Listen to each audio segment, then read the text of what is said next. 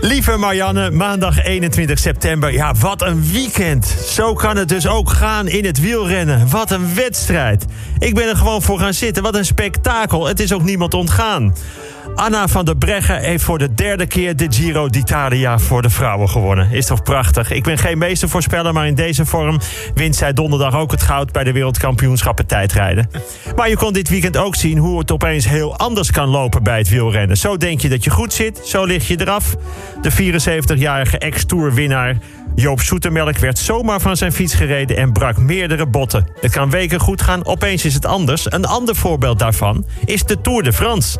Die werd twee weken en vijf dagen beheerst door de Nederlandse Jumbo-Visma-ploeg. Er werd dag in dag uit vrijwel de hele dag met de hele ploeg op kop gereden. En op het eind pakte kopman Roglic dan een paar seconden. Het was allemaal totaal uitgedacht over ieder aspect controle. Maar ja, het is sport. Opeens is er een hele jonge wielrenner uit een andere ploeg... die totaal onbevangen mee blijft rijden en tegen alle bedachte wetten in... alles en iedereen op een hoop rijdt. Het is jammer voor onze eigen Jumbo-Visma-ploeg, maar het is ook mooi... Klein jongetje wint van hele grote meneren. David wint van Goliath. Zo gaat het. Het kan allemaal. Een man met een plastic boodschappentas kan een tank tegenhouden. Of een bloedmooie vrouw kiest in de kroeg voor Jelmer en niet voor mij. nou ja, niet alles is mogelijk. Maar jullie, jullie snappen het punt. Het lijkt erop dat grote internationale banken op enorme schaal helpen crimineel geld wit te wassen. Zo wordt onder andere de ING genoemd. Ik herken dat. Ik zit ook bij de ING. En op de plaats van de afschriften waar eerst zwarte getallen stonden, is het sinds de coronacrisis helemaal wit.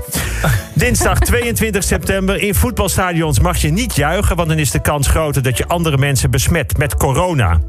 Vond ik een goede aanvulling, niet met iets anders. Dus als je de scheids schreeuwend kanker toewenst, is het niet zo dat de kans daarop groter is. Als je de grens uitscheldt voor hoerenjong, is het niet zo dat zijn moeder opeens geld gaat vragen voor wat ze elke dag doet. Nee, door schreeuwen kun je mensen besmetten met corona. Dus is er een regel niet juichen en in diverse stadions werd wel gejuicht. En op elkaar gesprongen en polonaise gelopen. En er werd getonkt door de harde kern. Volgens veel mensen, waaronder de burgemeester van Breda... kan je in een stadion niet anders dan juichen en schreeuwen. Dat kan niet. Voetbal is emotie. Supporters bij sport kun je niet stilhouden, zegt hij. Nou, dan is hij nooit naar een hockeywedstrijd geweest. Nou, maar daar gaat het niet om. Kijk, ik ben ook een enorme meelever in het stadion. Ik ben een harde meejuicher.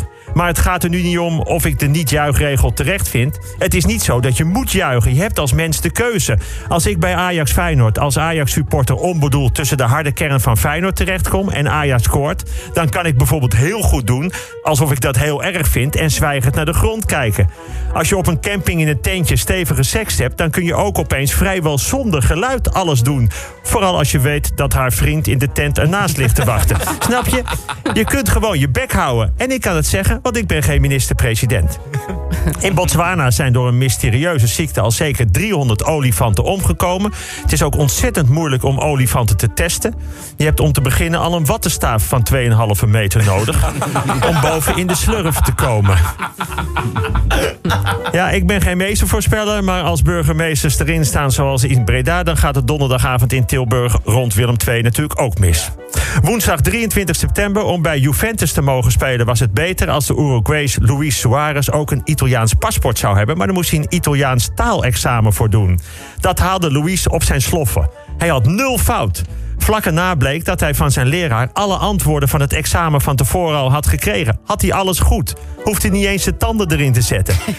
maar wat een beginnersfout. Als je alle antwoorden van een toets weet, dan moet je toch ook een paar fout maken. Zeker als het gaat om een vak waar je nog nooit een voldoende voor hebt gehaald. Maar goed, Luis is betrapt op fraude. Gaat niet naar Juventus, maar voor straf moet hij naar Atletico Madrid.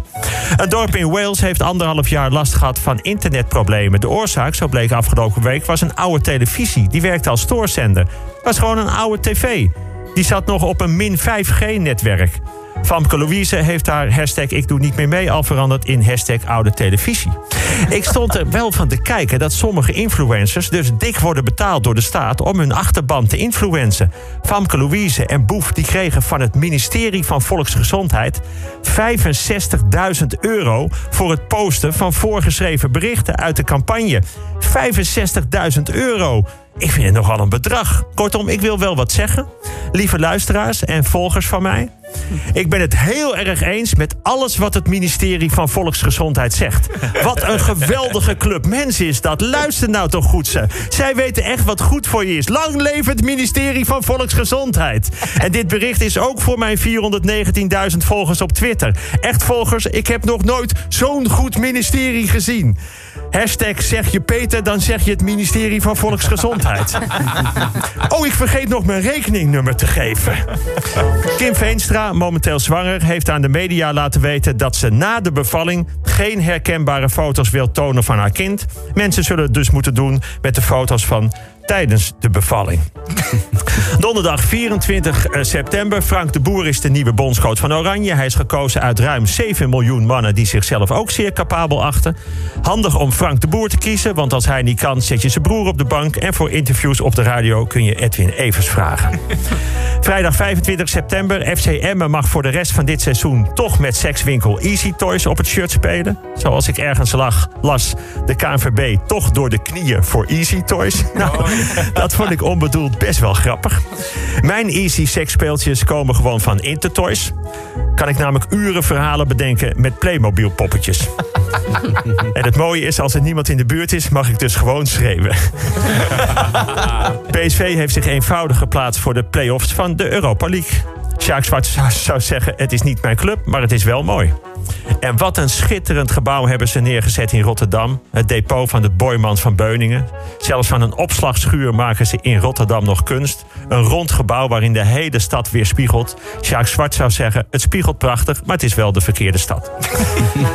het Oostenrijks wintersportseizoen gaat toch door, maar zonder de après-ski. Dat is echt te dicht op elkaar. Het is ook zonder de gondels omhoog en zonder cabines en geen stoeltjesliften. Dus zeg maar zonder wat voor lift dan ook. En je kunt niet met een volle bus erheen. Er mogen maximaal 20 personen op de piste en het liefst uit één huishouden. En omdat het zo beperkt is, zijn de prijzen wel verdubbeld. Het is een beetje geregeld, maar er wordt wel weer ouderwets genoten. Tot volgende week.